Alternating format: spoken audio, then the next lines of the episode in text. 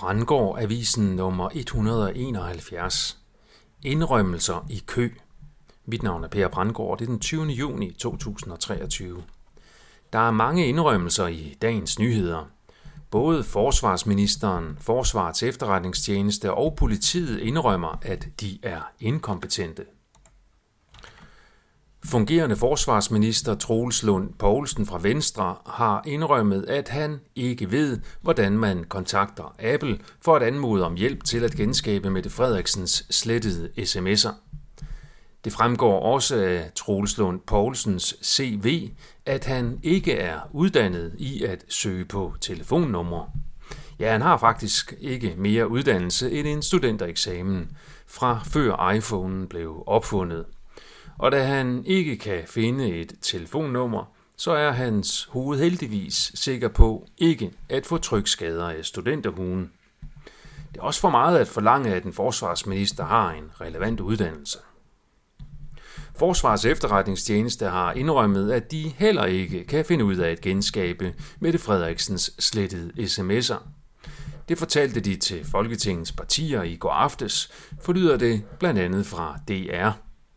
Forsvarets efterretningstjeneste siger også, at det kun er Apple, der kan gøre det, og heller ikke Forsvarets efterretningstjeneste kan åbenbart finde ud af at kontakte Apple. Venstres bagland har indrømmet, at der er så meget mystik om den sms-sag, at de nu presser partitoppen.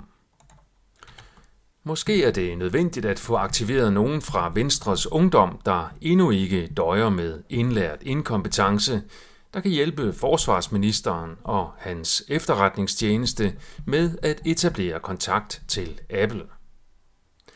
Den ellers så trofaste socialdemokratiske avis Politikken har indrømmet, at minkskandalen nægter at dø, og at regeringen bør forsøge at genskabe Mink-sms'erne. Politiet har indrømmet, at politiuddannede ikke kan finde ud af at efterforske moderne kriminalitet. De er derfor begyndt at ansætte civile med særlige kompetencer. For noget tid siden sendte jeg selv en uopfordret ansøgning til politiets efterretningstjeneste, hvor jeg tilbød min hjælp til at efterforske den dybe kriminalitet, som de åbenbart ikke selv kunne finde ud af at efterforske. PET svarede, at de vil vende tilbage, hvis de skulle få brug for min hjælp. Det mener de åbenbart stadigvæk ikke, at de har. Uddannelsen til politibetjent varer to år og fire måneder. Det er en af de korteste uddannelser i Danmark. I en overgang var uddannelsen til politibetjent en professionsbacheloruddannelse, men det blev droppet igen. Før i tiden skulle man også have en ren straffeattest for at søge ind til politiet. Men det krav ser man mere fleksibelt på i dag. Psykopater har det jo med at begå kriminalitet i en ung alder, så det er svært at rekruttere psykopater nok til politiet med et rigidt krav om en ren straffatest. Ugeskrift for Læger har i en artikel om psykedeliske svampe indrømmet, at disse ulovlige planter kan have et stort potentiale for menneskers mentale sundhed. Det aktive stof psilocybin det synkroniserer dele af hjernen, men får hjernen til at svinge i takt som helhed, viser dansk forskning, skriver ugeskriftet. DKDox TV har indrømmet, at de har bragt særdeles krænkende påstande uden grundlag i to udsendelser. Det drejer sig om påstande om mandatsvig og pædofili mod Frihedsbevægelsens Fællesråd og et medlem af foreningens bestyrelse.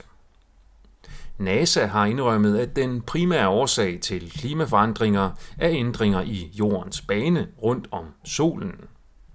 FN har indrømmet, at de ønsker et totalt digitaliseret samfund, hvor alle mennesker er digitalt forbundet i et samlet netværk, og at de samarbejder med opfinderen af Kinas sociale kreditsystem om dette.